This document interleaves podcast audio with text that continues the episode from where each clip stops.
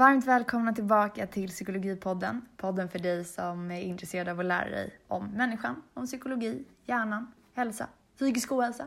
Vad mer kan vi slänga in i mixen? Nej, det är i princip det den här podden handlar om. Men det kanske ni vet vid det här laget. Jag heter Jackie Levi. Jag har precis landat på golvet hemma faktiskt efter, jag tror att det här kan ha varit årets längsta dag. Jag är dödstrött. Ehm, det här kanske inte är den mest peppiga början, men eh, tyvärr så är det ju så livet ser ut ibland. Idag så kommer vi prata om beslutsfattande, om beslutsfällor, tankefällor och lite annat som eh, påverkar våra beslut helt enkelt. Någonting jag tänkt på ett tag är det här med tänk om. Alltså orden tänk om är början på i princip alla orostankar man kan ha. Tänk om någonting händer. Tänk om eh, det här sker. Tänk om den här personen gör så här. Men det är också så att tänk om är precis tvärtom. Det är allting som är hoppfullt. Börjar också på tänk om. Tänk om det här händer eller tänk om det faktiskt kan bli så här.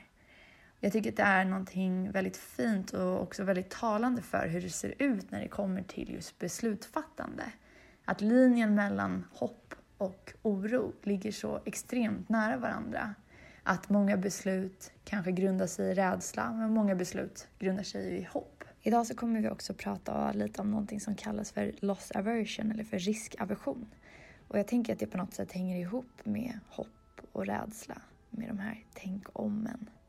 Jag började fundera kring, så här, kan det finnas hopp utan rädsla? Går det? Och går det att känna rädsla utan att det finns hopp? Jag, ja, jag vet faktiskt inte svaret på de här frågorna, men jag har i alla fall lovat mig själv att försöka våga ta risker. För att eh, vågar jag inte ta några risker så vågar jag ju faktiskt direkt och inte heller ta möjligheten till några chanser. Då vågar jag ju inte hoppas. Så jag försöker landa i det och vara lite modigare. Välkomna hit! I dagens avsnitt så har vi en annan psykolog med oss. Japp. Niklas Laninge. Hej och hallå! Hallå, välkommen hit! Tack så mycket. För de som inte vet, vem är du? Eh, jag är en psykolog som eh, har liksom inte gjort en traditionell psykologbana utan jag håller på väldigt mycket med sådär använda, alltså tillämpa eh, framförallt liksom beteendepsykologi, inlärningspsykologi i så här entreprenöriella projekt, i eh, teknikprojekt, eh, i liksom strategiarbeten. Så jag jobbar liksom ingenting med någon som heter patient eller klient, utan jag jobbar med produktchefer och företag och, och, använder psykologi för att liksom påverka beteenden. Jag jobbar liksom med så kunder, kundpsykologi, slutkunder, användare, medborgare. Det är så jag liksom pratar om, om de vars beteende vi vill påverka. Så du nämnde beteendepsykologi. Yes. Kan du introducera oss till vad det är? Ja, nej men alltså det är väl liksom, jag brukar säga beteendepsykologi för det. Men jag kan tänka sig, klassisk inlärningspsykologi, alltså vad påverkar människors beteenden? Att förstå varför människor gör som de gör och att liksom förstå vad kan man göra för att påverka sagda beteenden. Vad styr liksom vad vi gör? Alltså de här specifika observerbara aktiviteterna som vi psykologer kallar för beteenden. Och, och i mitt fall kan ju sådana beteenden väldigt ofta handla om så här köpa en vara, välja ett visst fraktsätt. Jobbar jag med myndigheter kan det handla om delta i ett vaccinationsprogram. Att eh, registrera sig som organdonationsgivare. Att eh, hålla hastigheten på vägarna. Att betala för sin kollektivtrafikbiljett. De riktigt sexiga beteendena. det är där jag är. Det är där du petar. Det är där jag petar. Det är, ja. It ain't pretty. Så beteendepsykologi, det är ju ett fält som då ni använder i beteendeekonomin eller ja. uppmärksamhetsekonomin som det också kan kallas. Kan du beskriva först då, då beteendepsykologi? Mm. Du sa inlärningspsykologi. Ja. Vilka principer är det du främst utgår eh, ifrån då? Väldigt, väldigt mycket liksom klassisk så här. Eh, det fanns ju en eh, forskare för hundra år sedan som heter Skinner. Fortfarande aktuell liksom. En, en klassisk behaviorist liksom. Inlärningspsykologins fader. Och han jobbade med att liksom kartlägga inlärningsmekanismer. Framförallt utifrån konsekvenser av beteenden. Så han kallar det för operant inlärning. Eh, och klassikern är ju liksom inlärningsprincipen positiv förstärkning. Tragglar vi psykologer jättemycket. Beteenden som har en positiv eh, konsekvens kommer att ske igen. Det är liksom en sån inlärningsmekanism. Eh, och sen så kan man liksom addera grader av komplexitet kring, kring Skinners apparat. Vad sker? Vad tror man kommer hända om man gör det här beteendet? Eller varför gör folk inte de här beteendena och så vidare. Så, så där är liksom min grund. Sen får man väl tänka att tar vi ett steg till och pratar beteendeekonomi, då är ju det från början, nog för att det var två psykologer som började hålla på att peta med det här med liksom andra typer av beslutsfattande. Daniel Kahneman och Amos Tversky som på liksom 70-talet började fundera kring så här, vad, vad påverkar liksom människors köpbeteenden, beslut, när man utvärderar beslut, eh, när man ut, liksom, de kallar det för judgment and decision making från början. Som sen har liksom blivit en nationalekonomisk disciplin. Och det är det som kallas för beteendeekonomi. Och då kan man tänka att det är liksom nationalekonomer som studerar hur människor fattar beslut med hjälp av sina metoder men också jättemycket med hjälp av liksom psykologiska metoder och, och psykologiska fynd, liksom experimentella forskningsmetoder. För att säga ett och annat om hur människor fattar beslut. Och hur kommer det sig att det här området uppstod? För det är ju en motpol till hur det såg ut ja. innan beteendeekonomin fanns. Ja, nej, men verkligen. Men om man tänker... Eh, alltså nationalekonomer... Jag har några nationalekonomer som vänner. eh, men eh, alltså det är ju ett jäkligt spännande forskningsfält och de är sjukt duktiga på metod. Men jag tror att de hade rätt hög svansföring där på 70-talet och fortfarande. Med just så här ja, men man brukar väl ibland dra i lite med att de, så här, ja, men de tror att människor är rationella och nyttomaximerande i varenda, varenda liksom, minut. Alla beslut är, är rationella och nyttomaximerande. Och det var väl det de här två psykologerna då, Kahneman och Tversky, började ifrågasätta. Och också titta lite på så här, ja, men metoderna de har, eller snarare modellerna för beslutsfattande. Vad bygger de på? Och de bygger ju väldigt mycket på liksom att man eh, abstraherar teorier utifrån att man tittar på ett datasätt. Det är ju lite så, så här, registerforskning sker inom medicin. Att man, man har ett datasätt och så abstraherar man slutsatser och gör teorier utifrån hur folk har gjort. Och så är, var ju väldigt mycket nationalekonomiska teorier. Medan liksom Kahneman och Tversky, de började ju liksom eh, jobbar mycket med så här inramning. De gav sina studenter liksom hypotetiska scenarion. Så här, ja men, eh, eh, vad kan det vara liksom? Karlman gjorde en sån här klassiker så här låt oss singla slant. Blir det krona så blir du skyldig mig 10 dollar. Hur mycket skulle du vilja vinna för att anta bettet om det blir klave? Och där såg han ju liksom att så här, systematiskt så ville folk alltid ha dubbelt så mycket. Eh, som liksom, man vill kunna vinna dubbelt så mycket som man kommer kunna förlora. Eh, vilket egentligen är irrationellt, för det borde väl vara bara att man vill ha lite mer liksom, så är det ju. Nettoeffekten är väl liksom att då är det, då är det liksom rimligt att anta den slantsinglingen. Och det där liksom finns fortfarande kvar.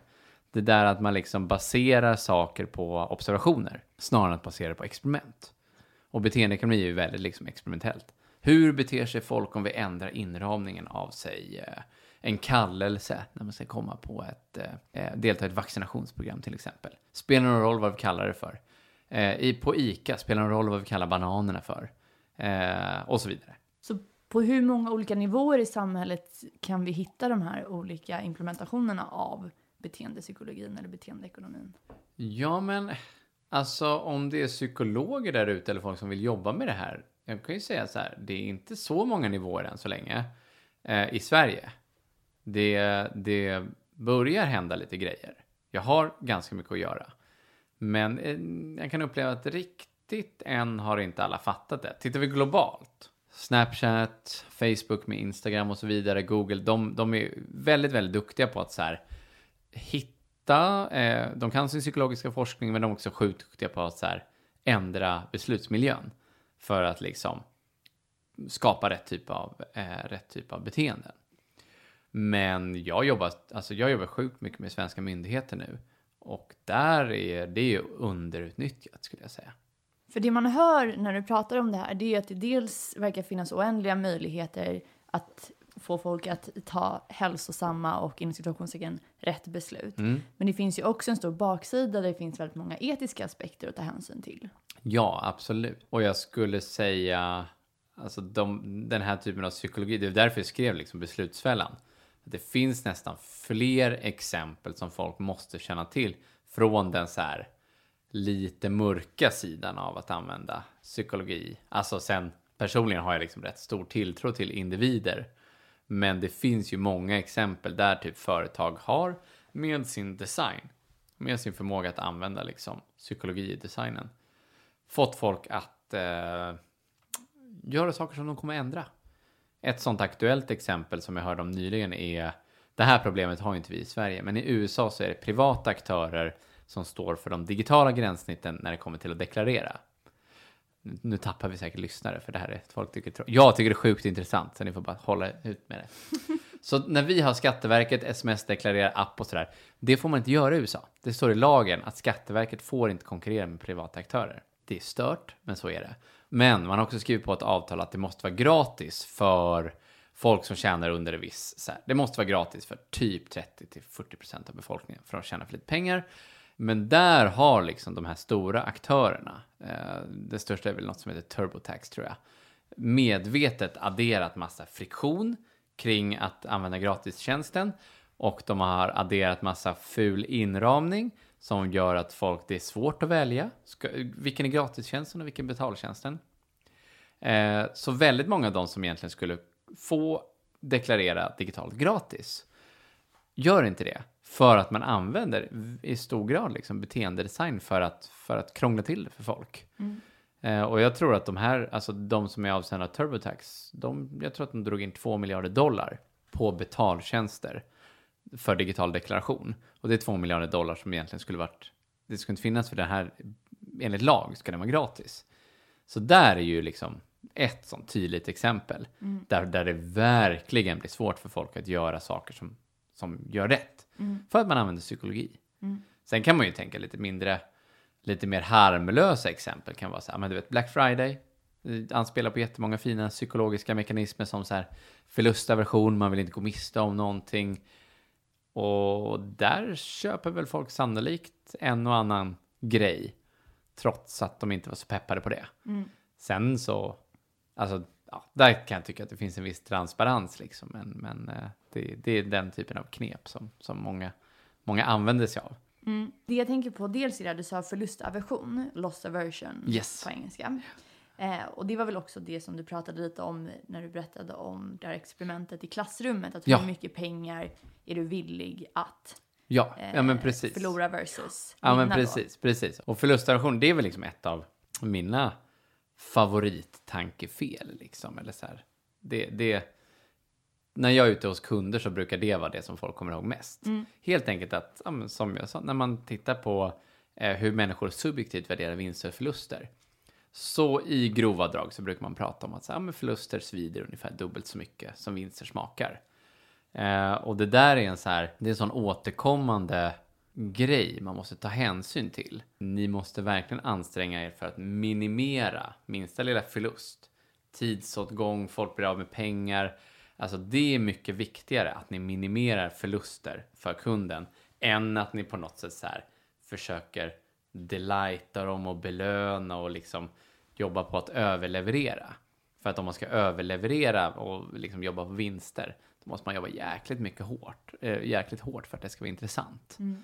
Mycket viktigt, alltså vi är förlustminimerande varelser. Mm. Det måste man alltid liksom tänka på. Mm. När du pratar om förluster, menar du enbart monetära förluster eller gäller det här i alla aspekter ah, av våra liv? Alla aspekter, alltså energiåtgång, eh, tid, pengar, anseende, Alltså verkligen. Relationer. Ja, relationer, men precis, precis. Det, ja men verkligen, alltså där kan man ju prata om, alltså jag är ju mycket hos myndigheter, företag, man kan prata om relationen till företaget.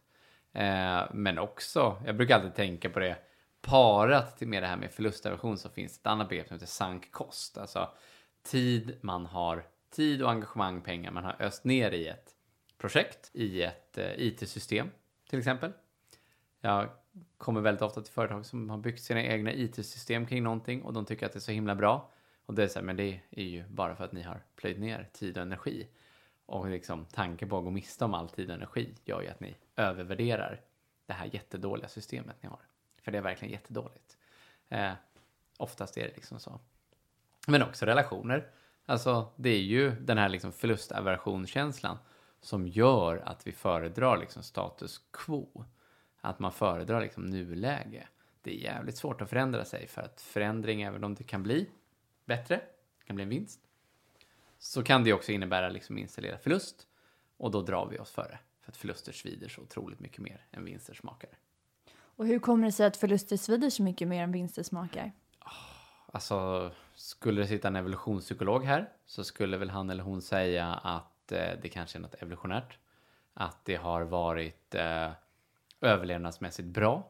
Att man liksom, eh, eh, ja men att, att det känns jäkligt mycket när man står inför någonting som potentiellt skulle kunna bli sämre. Och jag vet, alltså så här, jag kan väldigt lite om evolutionspsykologi, det är liksom inte min domän. Men det är väl, jag tycker väl så här, det är väl en, en ganska härlig, alltså jag tror de har kött på benen när de kommer med den förklaringsmekanismen. Jag nöjer mig med att så här, det verkar som att det är så här i väldigt många situationer. Mm. Och snarare titta på vad är förlust i de här situationerna? Snarare än att förstå varför. Alltså, det är, det är lite som så här, ja men det Skinners, eh, den här eh, positiv förstärkningsmekanismen. Men varför är det så att beteenden som har en belönande konsekvens sker igen? Ja, men för att det är nice med nice saker. Men varför? Så bara, nej men jag, jag vet inte. Det är väl härligt utgår att det... från att det Ja. är så det är. Ja, men precis, precis. Sen, sen är det väl liksom, hade det suttit en neuropsykolog här som hade hållit på med sina hjärntumör, de hade väl sagt att så här, ja men någonting med dopaminsystemet och du vet, det lyser upp och hej och hå så här. Eh, men det tycker inte jag är så intressant. Alltså, jag gillar Skinners metafor med hjärnan som en svart låda. Liksom, information in och sen händer någonting. Men vad som händer där inne är liksom, alltså, inte så intressant. Utan jag tycker mekanismen är, jag nöjer mig med det liksom. Det känns som att man kan viga ett liv åt, åt det. Och så har man tillräckligt med tid för att göra andra saker också. Men så det här med loss aversion eller förlustaversion, det kanske då är en av de här beslutsfällorna som Mm. du och eh, Arvid Ja. skriver om i beslutsfällan. Så jag funderar på om vi ska gå in på lite fler av Ja. de här beslutsfällorna som, som eh, finns. Ja, och så det är ju kul att också ge så här exempel. För om man lyssnar på en podd då kanske man till och med rör sig ut till en butik typ. Då kanske man till och med kan titta på efter en beslutsfälla. Mm. Eh, as we speak. Absolut. Kanske. Det blev Låter avancerat. Nej, nej. Underminera inte mina lyssnare. Nej, förlåt. Nej men precis, för du, det du sa förut är ju så att, att ehm, du pratade om friktion, att, att Mm. man skapar någon typ av motstånd eller försvårar för personer att fatta ja, eh, vissa beslut som egentligen kanske är bättre än de man tar. Och att den här transparensen kring hur, hur företag, hur eh, olika aktörer utnyttjar beslutsfällorna, åtminstone att man har vetskapen om det gör att det känns lite mer okej. ja. Som konsument så tycker jag liksom det kommer ju vara svårt att skydda sig mot de här sakerna. Alltså, jag liksom, nu har jag skrivit tre böcker om den här psykologin. Jag, det enda sättet jag skyddar mot mig är ju bara så här, inte han, alltså, undvika butiker typ. För jag fattar så sjukt dåliga beslut. Eh, och det säger väl typ Kahneman säger samma sak. Han är väl typ 100 år eh, och har skrivit alla böcker och gjort alla forskningar. men, men jag tycker liksom att det är intressant att lära sig notera dem. Alltså de här, ja men till exempel så här förlust, förlustfällan. Antingen när företag har jobbat liksom supermycket på att reducera så mycket eh, friktion kopplat till önskat beteende. När du säger friktion, vad menar du då? Eh, ja men ta till exempel, eh, ja men ta till exempel liksom telefonen. Och så här, eh, att köpa saker på telefonen. Eh, Klarna har ju liksom, alltså man får ju nämna varumärken här, det är inte public service. Klarna gör ju det liksom jättebra med att så här, ta bort friktion som saker som att vi vet till exempel att så här, ju, vad ska man säga, ju närmare liksom de riktiga pengarna, ju mer, alltså att köpa någonting kontant smärtar liksom mentalt mycket mer än att köpa någonting på kort. Eh, som i sin tur eh, smärtar mycket mer än att köpa något på kreditkort. Som i sin tur smärtar mer än att köpa något med så här tokens som man har köpt med smurfbär som man i sin tur köpte med pengar för tio år sedan. Eller presentkort. Och, och där är ju liksom, det är ju verkligen det som Klarna har byggt sin affär på. Göra, de, de, eller det är ju it's in the name. Smooth payment är ju liksom hela taglinen nu för tiden. För att det, är liksom, det ska vara enkelt att handla. Jag använder själv Klarna-kortet, jag älskar det liksom. Men jag vet ju att det här, det här drar ju sannolikt upp min, min spenderande något. För det är så himla smidigt. Sen kan man ju liksom se företag som vänder på det. Eh, återigen i din telefon, du tecknar en prenumeration via ditt liksom Apple-ID eller om du har eh, Googles motsvarighet. Mm, Du vet, man skriver under med Face ID eller ett tumavtryck. Så här, det är väldigt lätt, man behöver inte komma ihåg någon kod. Och sen ska du säga upp sagda prenumeration. Och då är det så här, jäkla, jäkla mäckigt liksom. Jag kommer inte ihåg exakt hur man gör det, men man går väl in med så här inställningar, iCloud, någonting, trycker in sin kod, hittar prenumerationen, säger upp den, trycker in koden igen. Alltså, det är sjukt många steg. Och det är medvetet liksom. Det är, för att de vet att några kommer ångra, alltså vi kommer tappa några. Eh, eller några kommer liksom aldrig fullfölja sin cancellering av sin prenumeration. För att de har glömt bort koden eller vad det nu är. Det, det, och det är inte snyggt tycker jag. Det, det är inte så snällt. Nej, för då kan man ju prata om lite så här vad som är oetiskt och Ja. vad som är olagligt. För det Ja, här men är ju inte olagligt. Nej, nej, nej, nej, verkligen inte olagligt. Men det är lite, det är lite oetiskt. Återigen på temat friktion och förlust. Alltså för länge sedan så kunde man ju så här, hade man nyhetsbrev eller sålde man eh, skor på nätet. Så var det automatiskt att då började du få nyhetsbreven från sagda skoaffär. Eh, lite oetiskt. Inte jätteoetiskt liksom, men lite. Men nu är det olagligt i och med liksom GDPR och alltså nu får man inte göra så. Det kan bli repressalier om du bara optar in folk i ditt nyhetsbrev. Du måste fråga om folk vill vara med. Så det, det blir ju liksom att de här oetiska beslutsfällorna, vissa av dem vandrar liksom in i lagstiftningen sen. Eh, det, det tycker jag är lite härligt. Ja, för ni skriver lite om det där med opt-out i Mm. boken. Ja. Vad är det till skillnad från opt-in? Eh, nej men opt-out, vi kan ta ett praktiskt exempel med organdonation.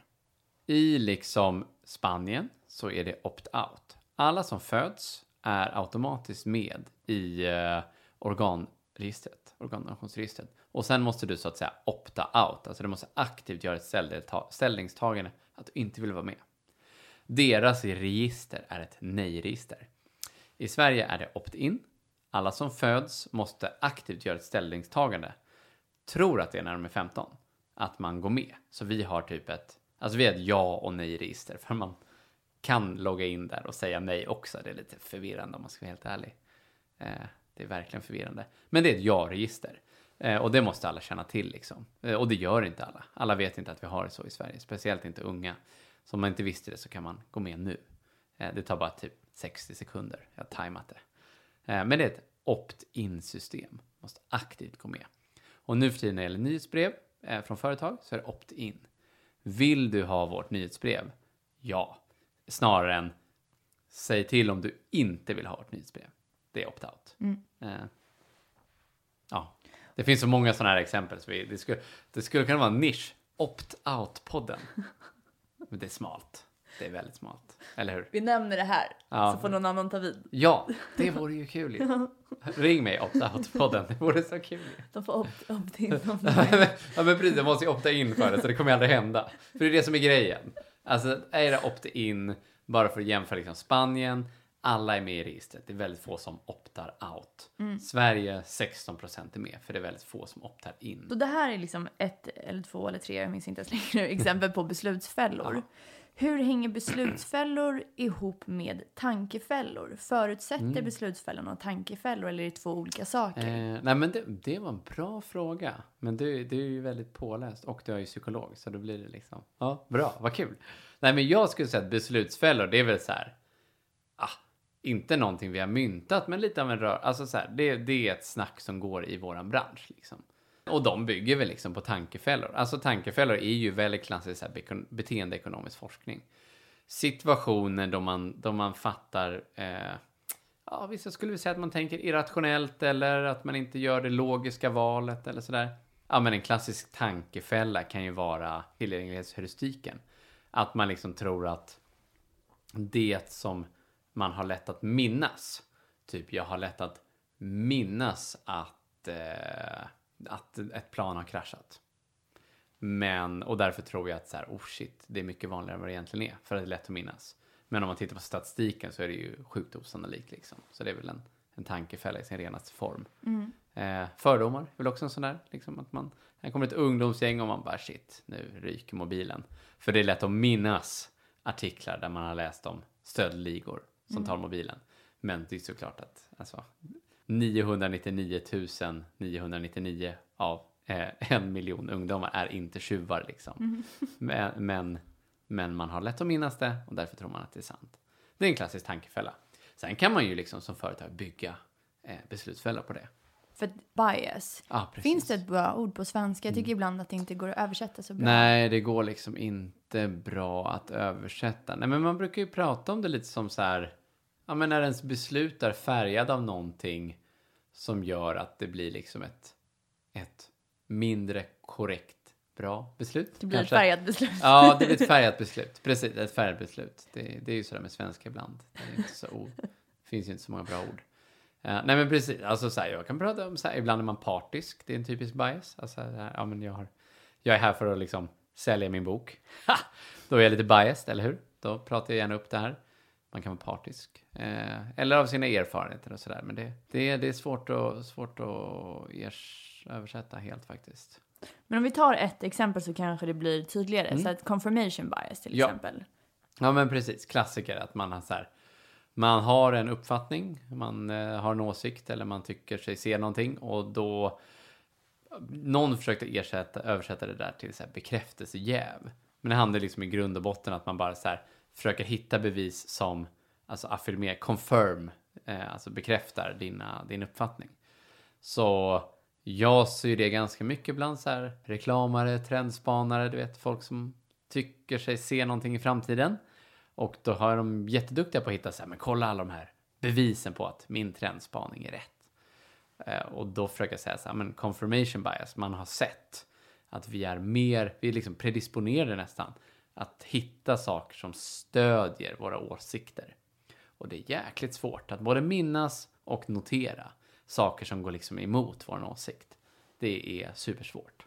Men hur kan man då göra för att dels minnas och i så fall leta liksom motbevis? Mm. Ja. För det tar ju emot mer Ja, ja. att börja ifrågasätta sig själv än att bara, ja men jag har rätt, Ja. jag har de här bevisen.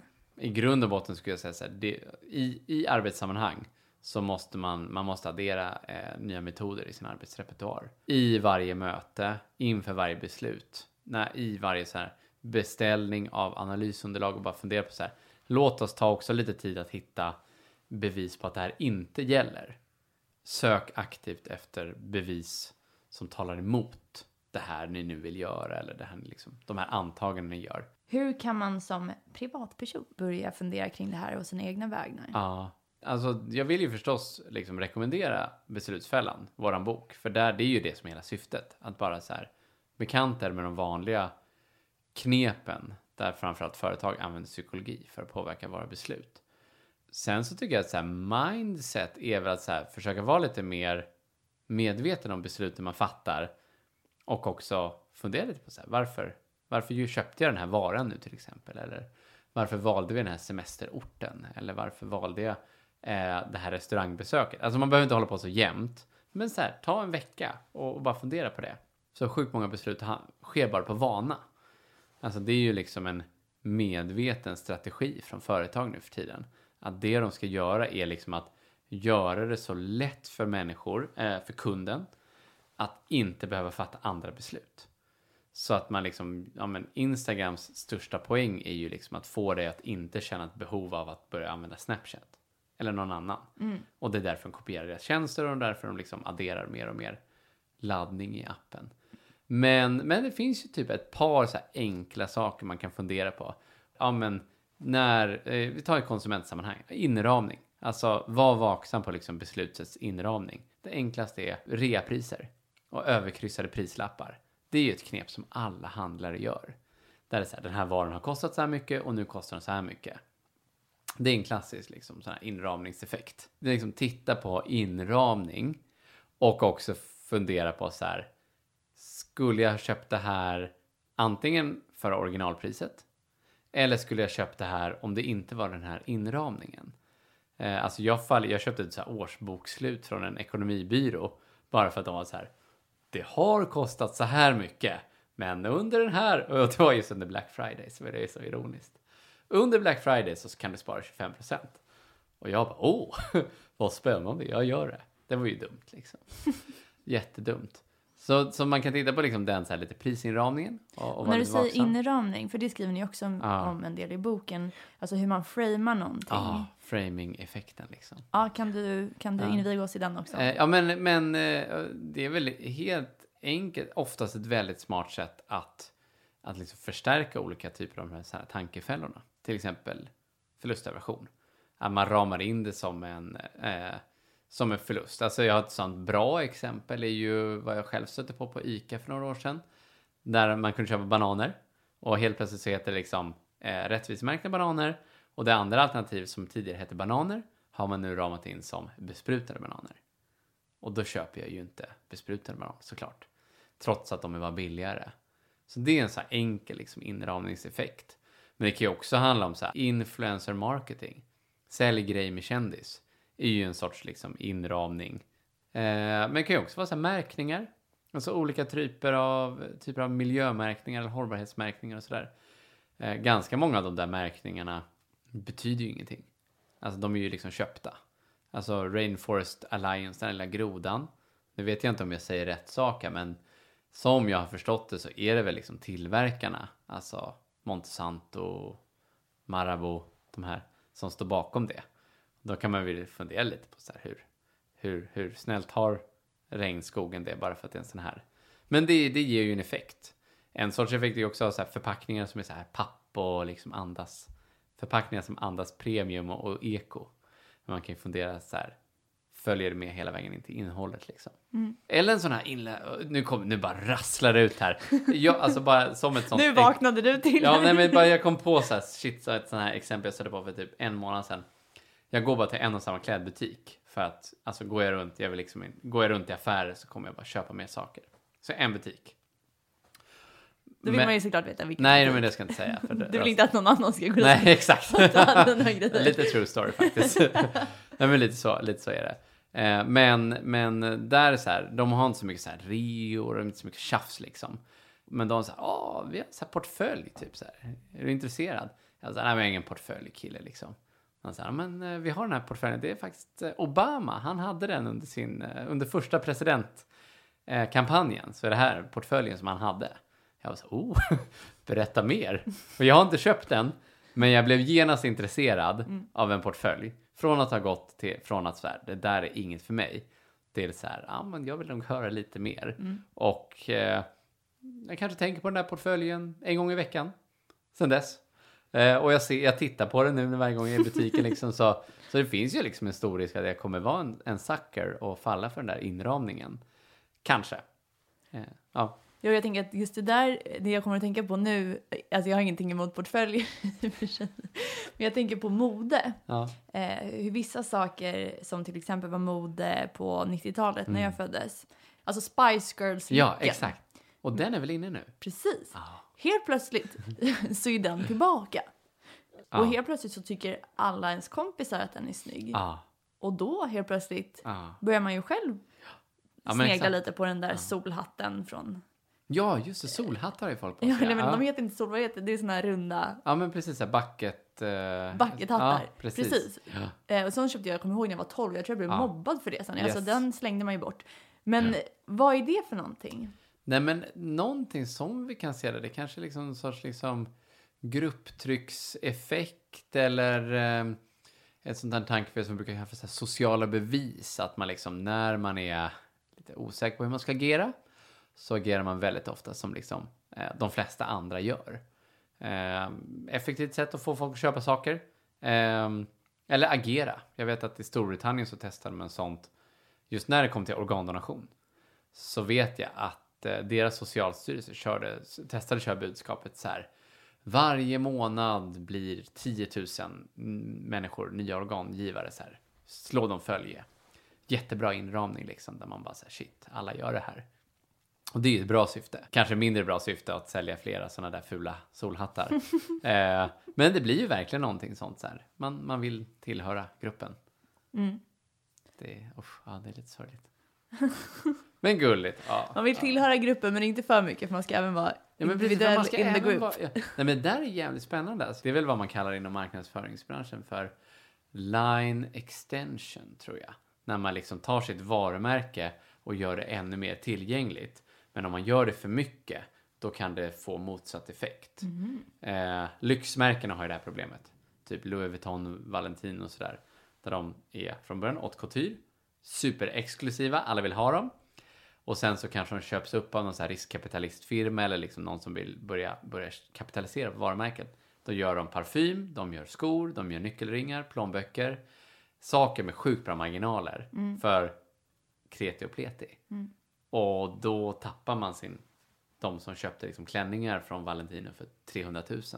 Då tappar man dem liksom. Då är man fast med Jackie och Niklas som har varsin nyckelring. Exakt, exakt. Ehm, men det var intressant det som du pratade om för, jag tänkte här, fem minuter sedan, jag har ingen aning om. klockan. Nej, jag vet, alltså jag är fan, jag vet att du måste dra snart. Men då ehm, pratade du om, du, du framade inte så om det här med benägenheten att se mönster. Ja. Alltså att vi människor gärna ser mönster Mm. när det passar oss. Att man på något sätt skapar en upplevelse av att något är på ett visst sätt. Fastän verkligheten kanske inte ser ut så. Ja, verkligen. Den eh, så kallade liksom mönsterfällan. Att, eh, åh, gud, det där händer ju liksom hela tiden. G- ganska eh, nära parat med liksom confirmation bias. Mm, det var där någonstans jag Ja, kom att på man verkligen så här, vi är så himla snabba på att så här plussa ihop ett och ett liksom. Det finns så himla många exempel där folk tycker sig se att saker hänger ihop, men det är bara slump liksom. Mm. Det är verkligen, verkligen bara slump och det, det måste jag påminna liksom mina kollegor och mina kunder om hela tiden. När de tycker sig se saker. Mm. Att det bara är så här, men det där, nej, det, det, jag ser inte samma mönster. Jag har liksom inte samma, min inlärningshistorik, min skalle, min hjärna ser inte likadan ut som din. När jag ser på de här sakerna du pratar om, jag, jag ser liksom inte att det, det skulle vara en solklar linje härifrån, utan det är bara du som fyller i luckorna för att, kanske för att det passar dig och, och, och det du vill ha liksom driva fram eller vad du, hur du ser på världen. Mm. Ja, jag tänker att alltså, confirmation bias blir ju nödvändig om det är så att man försöker se mönster. Mm. För att du vill, eller din hjärna, eller vem det nu är Ja, eh, där inne som bestämmer, exakt. vill hitta mönster. Och samtidigt så tänker jag å ena sidan att, att ibland så finns det mönster kanske och ibland gör det inte det. Mm.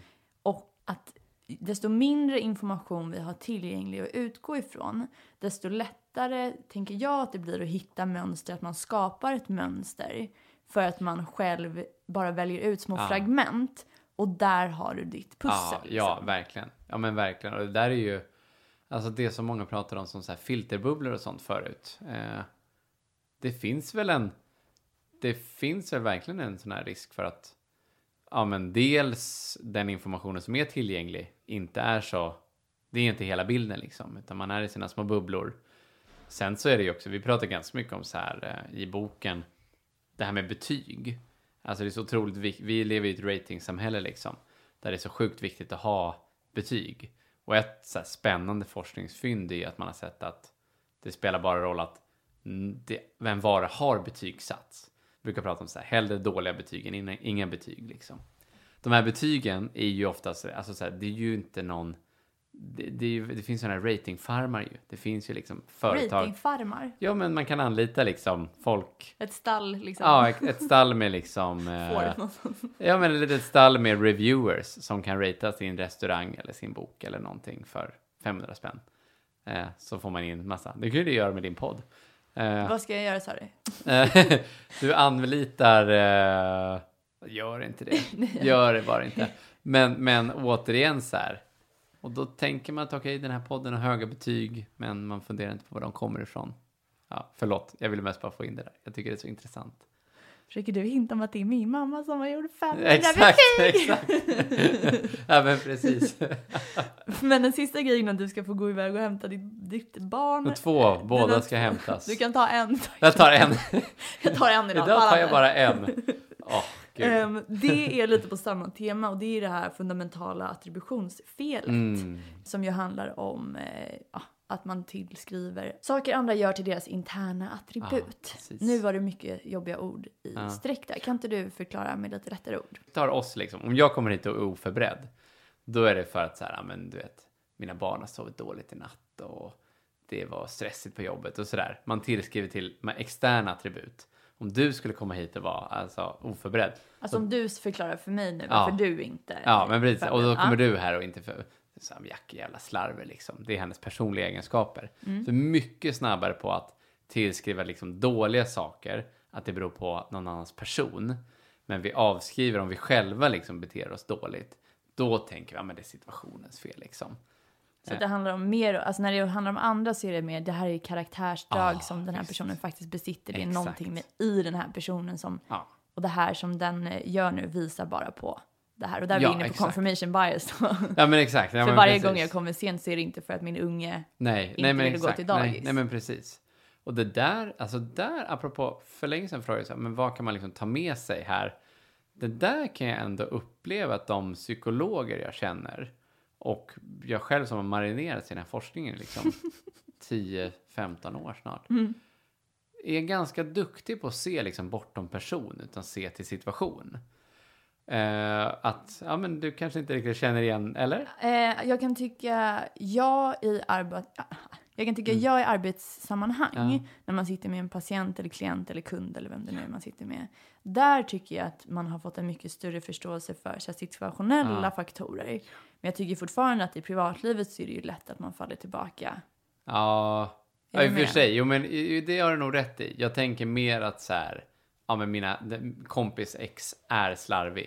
Kompis Y är egoistisk. Men, i men precis, men jag kanske egentligen borde tänka så här, men fasiken. Kompis X som är så slarvig har ju ändå tre barn och verkar ha rätt tufft på jobbet nu. Eller kompis eh, Y som är egoistisk har ju inte så många att prata med så att det är såklart att när vi väl ses så vill ju hen prata om så här, saker som är relaterade till hennes liv liksom. Eh, men i jobbet är det verkligen, för där kan jag märka liksom många av mina kunder som för, förändrar människors beteenden är ju jättesnabba på att så här, nej men där, vilken, det finns en målgrupp som är driven och det finns en målgrupp som är slarvig och sen de här liksom, de då, då är så här, titta på situationen Mm. och förenkla. För människor är liksom, vi styrs som sagt, friktion, minimera liksom risker, minimera sa- saker som är jobbigt, saker som är, det är kul, beteenden som är belönande sker igen och så vidare. Titta mycket mer på situationen än på personen. Så det är liksom så här det första alltid får säga till så här kunder. Det finns sannolikt väldigt mycket situationella saker här som går att stöka undan och då kommer liksom många fler bete sig som ni vill. Men det, du har ju verkligen rätt att det är det privata så avfärdar jag fan personer till höger och vänster. Men det är ju jättesvårt, men det jag försöker göra alltså aktivt är att ens egna reaktion blir så himla avhängig ofta hur andra människor svarar på det som du gör. Och ju mer situationer där jag själv har upplevt att här, jag kan inte för att eh, det finns situationella faktorer som gör att jag inte kan, inte för att jag är en dum person eller inte bryr mig. Nej. Desto större förståelse tycker jag att jag har fått för andra människor. Att Ja. säga, okej men det är inte för att personen är på ett visst sätt. Nej. Det är en alldeles för förenklad bild ja, av ja, men verkligen. vem jag att bestämma att den är Ja. på det här sättet för att den har gjort så här några gånger. Ja, men verkligen. Men såklart att jag också faller in i det, men jag försöker liksom okej, om någon kollade på mig utifrån och såg de här grejerna, det är klart att man kan dra vissa slutsatser, men då har man verkligen valt ut. ja, ja men verkligen. Jag tror min fru kan nog liksom tycka att det här är ett jävla odrägligt drag hos mig. För hon kanske bara vill komma hem och så här, ja ah, men shit. Den här personen sa så här eller den här chefen är liksom så jäkla liksom hård och, och då kan jag väl lite så här, ja, fast om vi ser till personens situation. Vad är liksom de förstärkande kontingenserna? Alltså så här, då, det är nog lite störigt i och för sig.